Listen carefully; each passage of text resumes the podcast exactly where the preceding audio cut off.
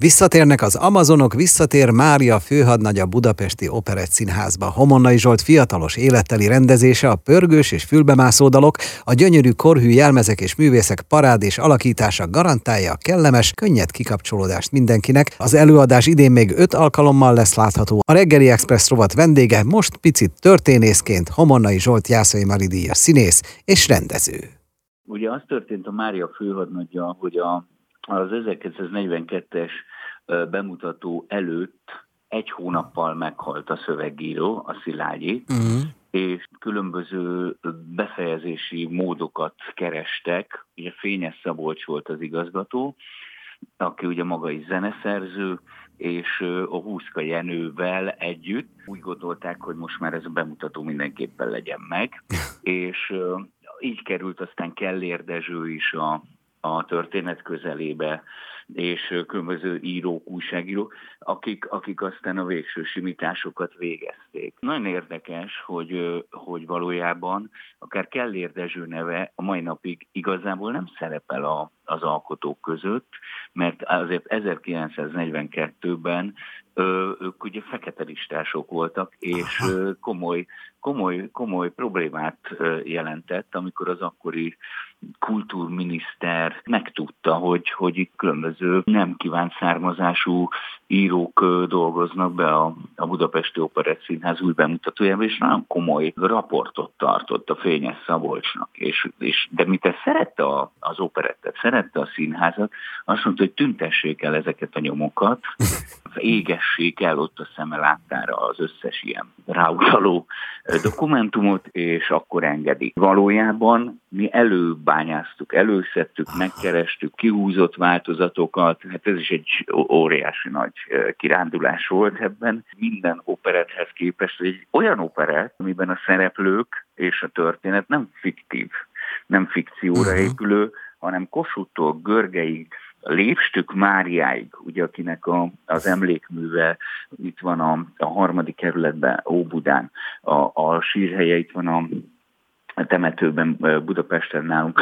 hogy, hogy mindegyik, a, a, a nevelőapa, a, a Simonics Boldizsár, aki valóban császári brigantéros volt, és valóban egymás ellen harcoltak mondjuk Komáromban vagy Szolnokon, tehát aki császári hadseregeket vezetett, és a nevelt lánya meg éppen férfiként valóban megtörtént, ezt Jókai erről aztán Igen. a legnagyobb csodálat hangján írt, hogy, hogy ez a, a Lépstük Mária történetének elmeséléséhez három író fantáziája is kevés lenne, hogy egy ilyet kitaláljon, mint amilyet ő valójában végélt. Fantasztikus. De hát itt azért kell beszélni szakralitásról, meg romantikáról, hát szerelem, 18 éves Mária, amikor belecsöppen az egészbe. Így van. És az a nagyon hát borzongató számomra, hogy, hogy ez olyan, mint egy, egy romantikus mese.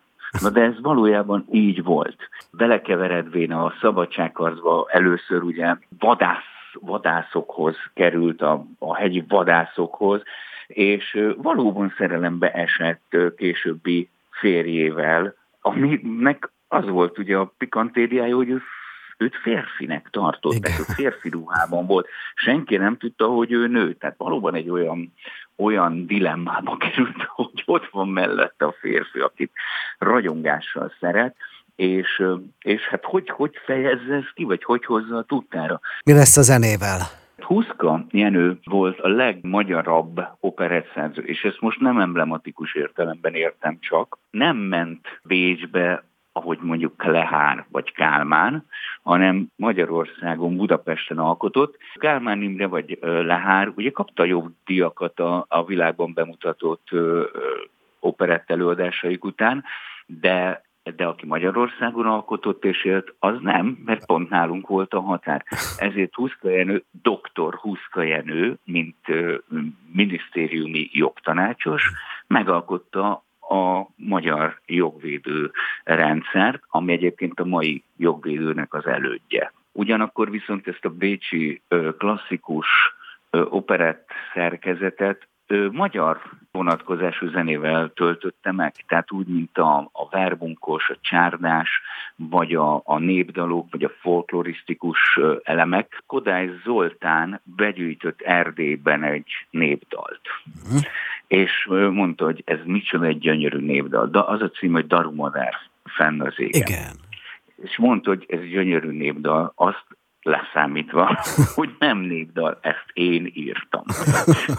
ez lehetetlen. Hát begyűjtött, tehát népdallá vált az ő szerzeménye, amit egyébként a Gülvabába ír. Mi az, ami látható majd a színpadon? Mit, mit érezhet a néző? Egy, nem a történelmi emblematikát akarjuk színpadra állítani, hanem az ezek mögött meghúzódó emberi sorsokat. Mint egy most futó 21. századi sorozatban, hogy ott van a feszültség a végén, és valójában nem, nem biztos benne az ember, hogy minden, minden a, a helyére kerül, és tényleg az utolsó pillanatban oldódik meg, és nem egy történelmi visszatekintés, nem egy múzeumi séta, egy, egy hadtörténeti múzeumban való megemlékezés történik, hanem egy itt és most a néző számára gyakorlatilag átélhető és és velük azonosulható ezekkel a karakterekkel, figurákkal, történelmi személyekkel emberi vonatkozásban tud azonosulni az ő, az ő mindennapjaikban ott levő történetükkel. Nagyon-nagyon érdekes, hogy, hogy megnézzük, hogy mi van a történelem lapjai túl, vagy a történelem lapjai mögött. Köszönjük a történelmi áttekintést és a rendezői oknyomozást itt a reggeli Express rovatban Hamonnai Zsoltnak, Jászai Mari díjas színésznek és a Mária főhadnagy rendezőjének. Irány teljes fegyverzetben a Budapesti Operett Színház.